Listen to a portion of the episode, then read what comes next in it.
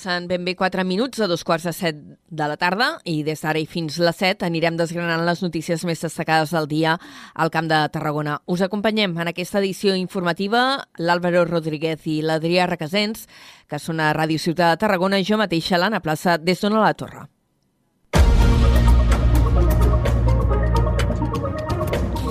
Ahir us explicàvem els resultats de l'Observatori de la Qualitat de l'Aire que realitza l'Associació Empresarial Química i Repsol de la mà de la Universitat Rovira i Virgili i avui ho hem de fer de l'estudi independent de qualitat de l'aire de la ciutat de Tarragona que vol fer l'Ajuntament.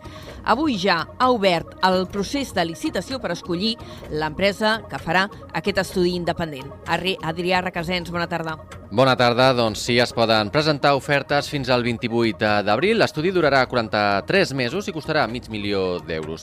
Laura Rovira, des de Ràdio Ciutat de Tarragona, té tots els detalls. L'Ajuntament de Tarragona ja ha fet públic el perfil contractant de la licitació de l'estudi de qualitat d'aire. Aquest procés estarà obert des d'aquest dijous 23 de març fins al proper 28 d'abril perquè empreses, entitats o grups de recerca interessats puguin participar. L'estudi tindrà una durada de 43 mesos i un pressupost de més de mig milió d'euros euros. La principal novetat és que, a més de tenir en compte les dades mitjanes, també s'analitzaran els pics. La consellera de Medi Ambient de l'Ajuntament de Tarragona, Eva Miguel, s'ha mostrat molt satisfeta que per fi s'hagi desencallat una reivindicació que cataloga com històrica. Hem de dir que és una, un dia en el que estem molt contentes, és una reivindicació històrica de plataformes i entitats ecologistes que se puga saber d'una vegada per totes què és el que respirem a Tarragona. Lamentem lamentem que no s'hagin volgut sumar altres ajuntaments per a desenvolupar aquest estudi de manera més conjunta com a Camp de Tarragona. A més, Miguel destaca que aquest estudi independent de la qualitat de l'aire ha de suposar un abans i un després i que serà en benefici d'absolutament tothom. Gràcies, Laura. Tenim més notícies relacionades amb la química. Avui Protecció Civil anuncia que tornarà a fer proves de les sirenes de risc químic a Tarragona i l'Ebre, uns exercicis que es van deixar de fer amb la pandèmia i que ara es reprenen voluntat de que es facin de manera regular. De fet, ja hi ha un de programat pel 20 de setembre. L'anunci l'ha fet avui el conseller d'Interior i David Fernández des de la nova ràdio ens ho amplia. Protecció Civil reprendrà els simulacres que es van haver d'aturar per la pandèmia. De moment ha marcat el 20 de setembre per tirar endavant una nova prova de risc químic al Camp de Tarragona i a les Terres de l'Ebre que activarà les sirenes i el sistema d'alertes per telefonia mòbil encara que no es tractarà d'un simulacre complet. Ho ha explicat a Reus el conseller d'Interior Joan Ignasi Helena en el marc de la presentació de la nova campanya de protecció civil per conscienciar la població de la necessitat de confinar-se en cas d'accident químic. Ha fet molta feina a les escoles, a les empreses, etc, però també a l'opinió pública general, als ciutadans i ciutadanes en general, els hi ha d'arribar també aquest missatge del, del confinament. I això s'ha fet molt pedagògicament, explicant-ho tant com hem pogut, però també volíem, i ens havíem compromès a fer el simulacre, i en farem un altre aquest any, ja és aquest any, ja aquest any, al nord, però també volíem fer una, una campanya generalista. No? La campanya ha editat guies específiques i repartirà 150.000 imants de nevera. Gràcies, David. I volem fer una prèvia molt breu i és que demà la ministra de Transports, Mobilitat i Agenda Urbana, Raquel Sánchez, serà a Tarragona per presentar el projecte de la nova estació intermodal que s'ha de fer entre els termes de Reus i Vilaseca. Demà us explicarem, evidentment, tots els detalls perquè ho seguirem. I més qüestions. Els Mossos d'Esquadra han detingut una altra persona, una de tercera, presumptament relacionada amb el crim de dimarts a la tarda al nucli antic de Valls. L'arrestada és una dona de 47 anys. La mateixa tarda en què es va trobar la víctima ja es va detenir un primer home i aquest dimecres se'n va arrestar un altre de 30 anys a la mateixa capital de l'Alcamp. A la víctima, un home de 45 anys amb problemes d'addicció a les drogues, se'l buscava des de feia dies i va, es va trobar el cos quan va aparèixer als baixos d'un bloc al carrer de l'Església. Els investigadors van verificar que presentava signes de violència. D'aquest cas n'han transcendit molts pocs detalls, però ha tornat a posar en alerta el veïnat que es queixa dels problemes de seguretat a Valls i concretament al nucli històric. De fet, la Federació de Veïns de Valls i Pedanies demana mesures de seguretat. Des de Ràdio Ciutat de Valls ens ho explica en David Prats. L'entitat que representa tots els barris de la ciutat, a banda de condemnar aquests fets, demana al consistori i als cossos policials que posin tots els recursos per acabar amb una problemàtica que fa massa temps que dura. Ho explica el seu president, Andreu García Garcia. Com a veïns i com a representant de tots els barris de Valls, aquestes notícies no ens agraden gens. I per això demanem al nostre consistori, igual que el cos de policia local, com el cos de Mossos d'Esquadra, que posin tots els seus esforços per poder solucionar aquesta inquietud i aquest malestar que hi ha actualment a Valls. A hores d'ara, la investigació continua oberta. Fins al moment, els Mossos d'Esquadra han efectuat dues detencions relacionades amb la troballa d'aquest cadàver, el qual va aparèixer semienterrat i amb evidents signes de violència. here. I la Nova han localitzat el cos sense vida d'una noia de 25 anys que també tenia signes de violència. L'han trobat en una finca agrícola al costat de la carretera nacional 420. Es treballa amb la hipòtesi que es tracta d'un crim masclista, si bé no s'ha confirmat perquè el cas està sota secret d'actuacions. La família de la noia n'havia denunciat la desaparició ahir al vespre perquè no havia tornat a casa al municipi de, de Garcia després de la feina. El seu cos l'ha localitzat aquest matí un pagès de Mora que ha avisat els vigilants del municipi. La comitiva judicial s'ha desplaçat també al lloc dels fets i ha certificat la mort violenta. La jove tenia una parella des de feia poc temps i una exparella amb la qual tenia bona relació. De moment no hi ha detinguts, tot i que ja s'ha interrogat almenys un dels dos homes. I avui recollim les paraules d'un jutge de menors de Tarragona que s'ha mostrat partidari de rebaixar als 12 anys la inimputabilitat. En una entrevista a TV3, el magistrat ha alertat del que considera una pujada alarmant d'agressions sexuals perpetrades per menors. El jutge que ha fet aquestes afirmacions és Jesús María del Cacho. Ha explicat que l'objectiu de la llei del menor és la reinserció del delinqüent i que, si bé castiga, també educa. Considera que els infants d'ara no són com quan es va fer la llei i que, per tant, no té sentit haver d'esperar als 14 anys per poder-los imputar. Hay que tener en cuenta que en la sociedad los menores mmm, del año 2000, que cuando se promulgó la ley del menor, Sí. no son los mismos que ahora. Antes eran pequeños, ahora con 12, 13 ya no son tan pequeños. Es eh, materialmente, o sea, es, es una ley que educa. Entonces, ¿por qué esperar tiempo a que cumplan 14 para educar antes? Del Cacho exerceix de jutge de menors des de fa 21 anys. Ha explicat que ell i els seus col·legues tenen la percepció que ha pujat el nombre d'agressions sexuals comeses abans dels 18 anys. De fet, ha detallat que cada dos dies els entra una cautelar d'agressions sexuals. Tarragona és la ciutat catalana amb més restes de cocaïna a les aigües residuals i la segona d'Europa. Per davant només té Anvers, a Bèlgica. Aquesta dada figura en l'informe anual de l'Observatori Europeu de les Drogues i les Toxicomanies. En aquest rànquing també hi apareixen Lleida en vuitena posició, València en desena i Barcelona en catorzena. Amb cinc eh, ciutats, Espanya és el país més present a aquesta llista. En el cas del cannabis, la ciutat catalana que presenta més restes d'aquest estupefaent a les aigües residuals és Barcelona i ocupa la tretzena posició a nivell europeu. Tarragona, en aquest cas, ocupa la vintena. En canvi, hi ha poca presència de restes d'amfetamina a les aigües residuals catalanes. Així i tot, Tarragona se n'ha detectat més. I, d'altra banda, en àmbit general destaquem que Salut incrementarà els, eh, els professionals per atendre persones amb trastorns alimentaris davant de l'augment general de casos. Aquest pla s'ha presentat avui i compta amb 8,4 milions d'euros. Preveu més places als hospitals i més recursos per a les unitats especialitzades. Aquest pla xoc contempla que hi hagi un professional de referència en trastorns alimentaris en tots els centres de salut mental de Catalunya. Durant els propers dos anys s'incorporaran un centenar de professionals. A més, es triplicaran les places als hospitals i es reforçaran les unitats especialitzades. La directora de l'Associació contra l'Anorèxia i la Bulímia, Sara Bujalazce, ha destacat que es tracta d'un canvi de model. Aquest model el que fa és que aquesta especialització, aquesta sensibilitat en relació al trastorn de la conducta surt d'aquestes unitats altament especialitzades i s'escampa per, tota, per, per, tota la, per tot els serveis de salut mental. No? Des de la primària, que és la porta d'entrada i que és qui de manera natural, per dir una manera, s'ha d'encarregar dels casos lleus, tal com proposa el pla de millora, a la comunitària, no? els, els hospitals de dia comunitaris, Els trastorns alimentaris s'han disparat els darrers anys, sobretot amb la pandèmia. Al 2021, als centres de salut mental es va atendre prop de 4.500 casos, per tant, un 61% més que el, que el 2028.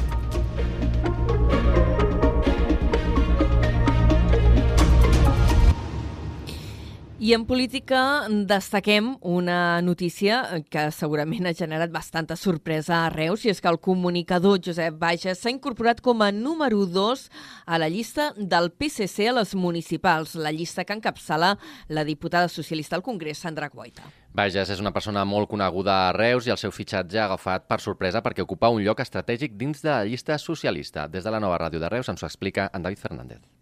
La candidata del PSC de Reus, Sandra Guaita, ha presentat el periodista Josep Bages com a número 2 de la llista amb què concorrerà a les eleccions municipals del mes de maig, una de les grans incògnites que hi havia de cara a aquests comicis. Durant la seva presentació, que ha tingut lloc aquest dijous al matí a la plaça de les Peixateries Velles, Bages ha agraït la confiança que li ha dipositat Guaita a l'hora de fer-li la proposta. Josep Bages actualment és el secretari general i director de comunicació de la Cambra de Comerç de Reus i compta amb una llarga trajectòria vinculat amb el panorama comunicatiu de la ciutat. També en destaca la seva forta implicació en tota mena d'iniciatives ciutadanes de caire cultural o social. I anem a la Conca de Barberà, que avui ha inaugurat una nova planta de tractament de la fracció resta. També s'ha ampliat la planta de compostatge. Les obres han costat a 3,8 milions d'euros i les ha financiat l'Agència de Residus de Catalunya. Des de Ràdio Montblanc ens ho explica la Gemma Bufies. La Conca de Barberà ha inaugurat una nova planta de tractament de fracció resta al Centre de Tractament de Residus de la Conca a l'Espluga de Francolí. La nova planta permetrà tractar prèviament els residus de la fracció resta abans de portar-los al dipòsit controlat, un pas previ que permet treure la matèria orgànica que encara queda al rebuig. Isaac Paraire, director de l'Agència de Residus de Catalunya. La Conca és la millor comarca del país en recollida selectiva i ara té també unes instal·lacions noves, necessàries i imprescindibles per acabar de fer la tasca de la gestió de residus. Avui aquí el que inaugurem i el que es posa en funcionament és un CTR, un centre de tractament de residus, i la millora de la, de la planta d'orgànica que, que hi ha i que hi havia. És obligat d'obligat compliment que abans d'entrar a l'abocador els residus passin per aquest tractament. Aquí no estava succeint. Per tant, estem fent a la millor comarca del país que fa recollida selectiva aquest deute que hi havia. La nova planta l'ha finançat l'Agència de Residus de Catalunya amb un import de 3,8 milions d'euros. També s'han previst ajudes de fins a 800.000 euros per maquinària que serveixi per millorar aquests processos. L'alcalde de l'Espluga de Francolí, Josep Maria Vidal, ha aprofitat també l'acte per demanar a l'Agència de Residus que no tracti igual a totes les comarques. Els alcaldes i alcaldesses de la comarca demanen que el cànon que paga la Conca s'equipari als residus que genera i recicla. D'altra banda, el Consell Comarcal de la Conca Barberà instal·la aquesta setmana càmeres de videovigilància a les deixalleries i a les àrees d'emergència de Santa Coloma Caral, Serral, l'Espluga de Francolí, Vilaverd i Montblanc. Més endavant se'n col·locaran a Barberà de la Conca, i Vimbodí i Poblet. S'hi destinaran 30.000 euros i l'objectiu és acabar amb el mal ús d'aquestes instal·lacions als pobles on es fa la recollida porta a porta. I és que durant els últims mesos s'ha produït un increment de l'abocament descontrolat de residus. A més d'instal·lar aquestes càmeres de vigilància, es modificaran les ordenances municipals per poder sancionar i acabar amb l'incivisme. I avui també tenim notícies eh, importants relacionades amb l'àmbit de patrimoni. L'Ajuntament de Tarragona concretament ha presentat el projecte per restaurar tres de les façanes de la Torre del Pretori. Les obres començaran al juny i duraran 15 mesos. La intervenció compta amb un pressupost de 800.000 euros. Álvaro Rodríguez ens ho explica des de Ràdio Ciutat de Tarragona. L'Ajuntament arranjarà i restaurarà totes les façanes interiors de la Torre del Pretori. Aquest és un projecte amb una dotació de gairebé un milió d'euros que solucionarà els desperfectes que es presenten al monument. Herman Pinedo, conseller de Patrimoni, ha explicat que les obres començaran finalment aquest juny i tindran una durada de 15 mesos, una acció que compta amb una subvenció de 200.000 euros de la Generalitat.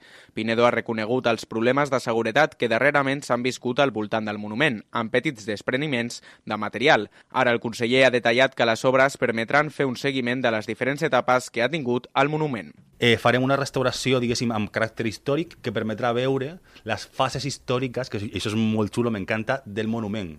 Romanes, medievals, modernes, per tant es veurà molt bé com es construeix la façana de la Torre del Pretori. Pinedo també ha anunciat que dins el Pretori es durà a terme la restauració de la sala del sarcòfag d'Hipòlit amb la voluntat de consolidar i restaurar la volta i poder reobrir com més aviat millor.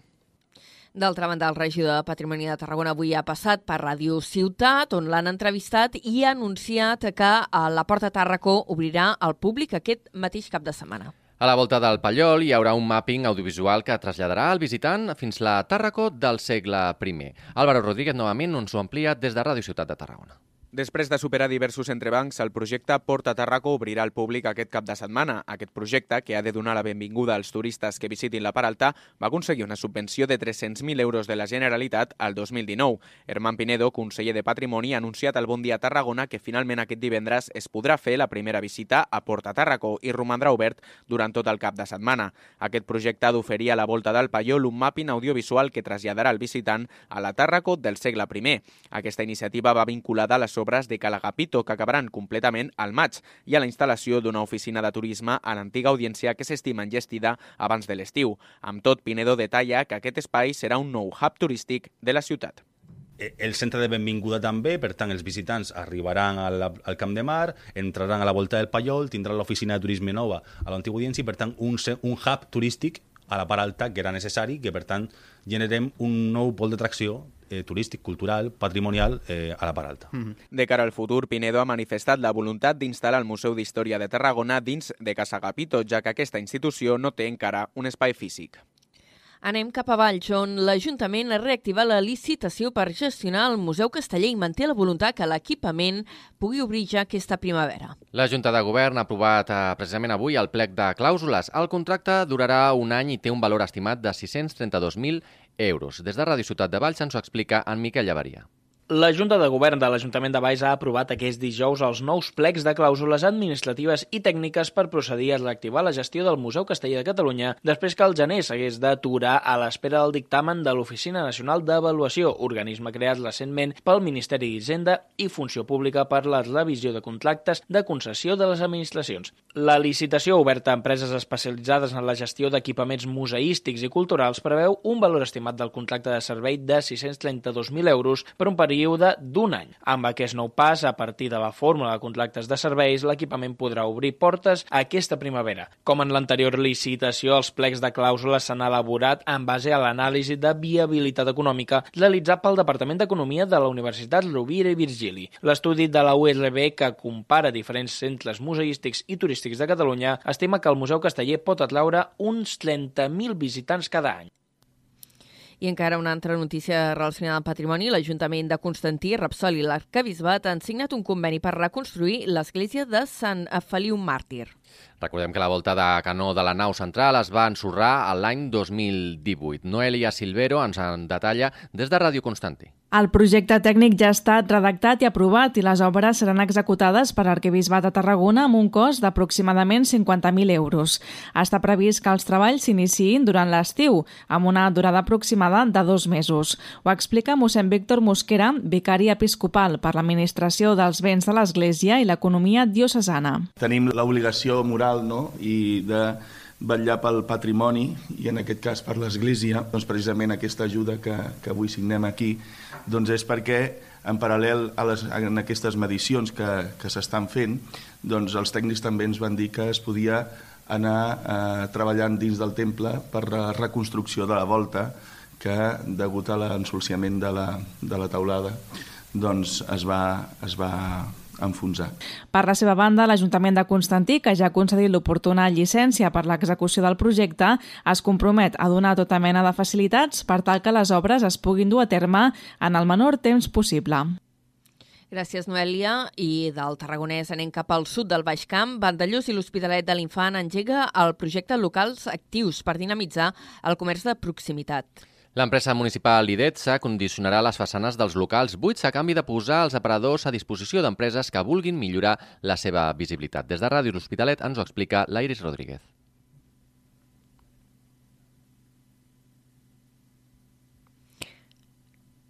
No és possible escoltar aquesta crònica. Anem a una altra notícia. El Col·legi Oficial de Periodistes i la xarxa Santa Tecla convoquen un nou Premi de Periodisme, de Salut i de Drets Socials. S'han establert dues categories, una amb dotació de 5.000 euros. El premi es lliurarà a la primavera de l'any vinent. Des de Ràdio Ciutat de Tarragona ens ho explica l'Àlvaro Rodríguez. La demarcació de Tarragona del Col·legi de Periodistes de Catalunya impulsa el Premi Periodisme, Salut i Drets Socials Tarragona, una iniciativa que neix del conveni signat amb la xarxa Santa Tecla Sanitària, Social i Docent fa uns mesos. El col·legi ha detallat que el premi té una dotació econòmica de 5.000 euros, dividida en dues dotacions. La primera, de 3.000 euros, guardonarà treballs amb temàtica de la salut i els drets socials a Catalunya i serà obert a tothom. D'altra banda, una categoria local premiarà amb 2.000 euros treballs que restringeixin l'àmbit al Camp de Tarragona. Joan Maria Serà, director de la xarxa Santa Tecla, detalla que l'objectiu és impulsar la necessitat de la bona comunicació en els àmbits socials i saludable. De poder posar en valor això que creiem tots que necessitem,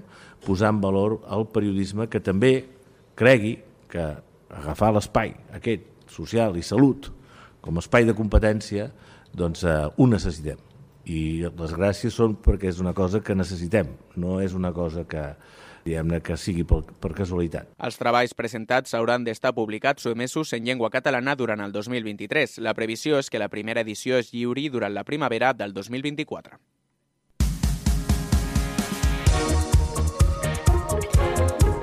I en esports comencem parlant d'hoquei, okay, fent la prèvia del partit entre el Reus d'Esportiu i el Barcelos, que es disputa aquesta nit. La trobada podria determinar l'accés dels roig i negres a la fase final de Copa d'Europa. Des de la nova ràdio de Reus ens ho explica l'Aleix Pérez. Nit europea que podria tornar a ser màgica al Palau d'Esports.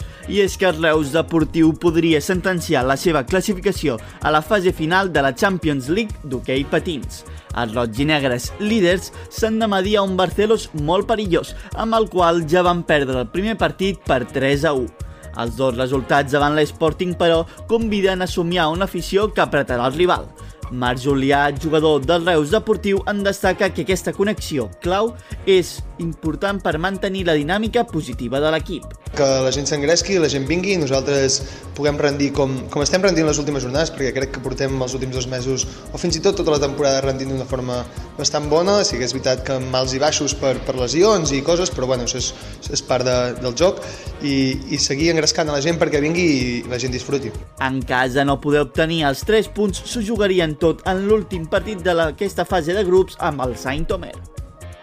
I fem també dos punts breus de volei. El Sant Pere i Sant Pau vol que la fase d'ascens al Superliga es disputi al seu pavelló. L'equip cooperativista hi ha enviat tota la documentació de la candidatura a la Federació Espanyola de Volei. Es tracta d'una candidatura que compta amb el suport de l'Ajuntament de Tarragona i de la Federació Catalana. La fase final es jugarà el cap de setmana del 20 d'abril. A la faceta esportiva, el Sant Pere i Sant Pau acumula bons resultats aquesta temporada i, de fet, ja està classificat per participar en aquesta fase d'ascens. A l'altre costat de la moneda, i aquest és el segon apunt de vòlei que volíem fer, eh, hi trobem el Cebol Torredembarra, que aquest dissabte disputa davant del Saragossa un partit clau per poder poder-se mantenir a la categoria la Superliga 2. El partit jugarà a casa a partir de les 6 de la tarda.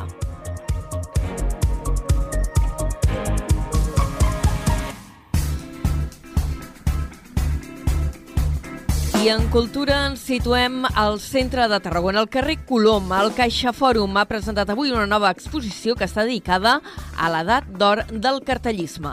L'exposició Cartells de la vida moderna, els orígens de l'art publicitari, és fruit de la col·laboració amb el MNAC.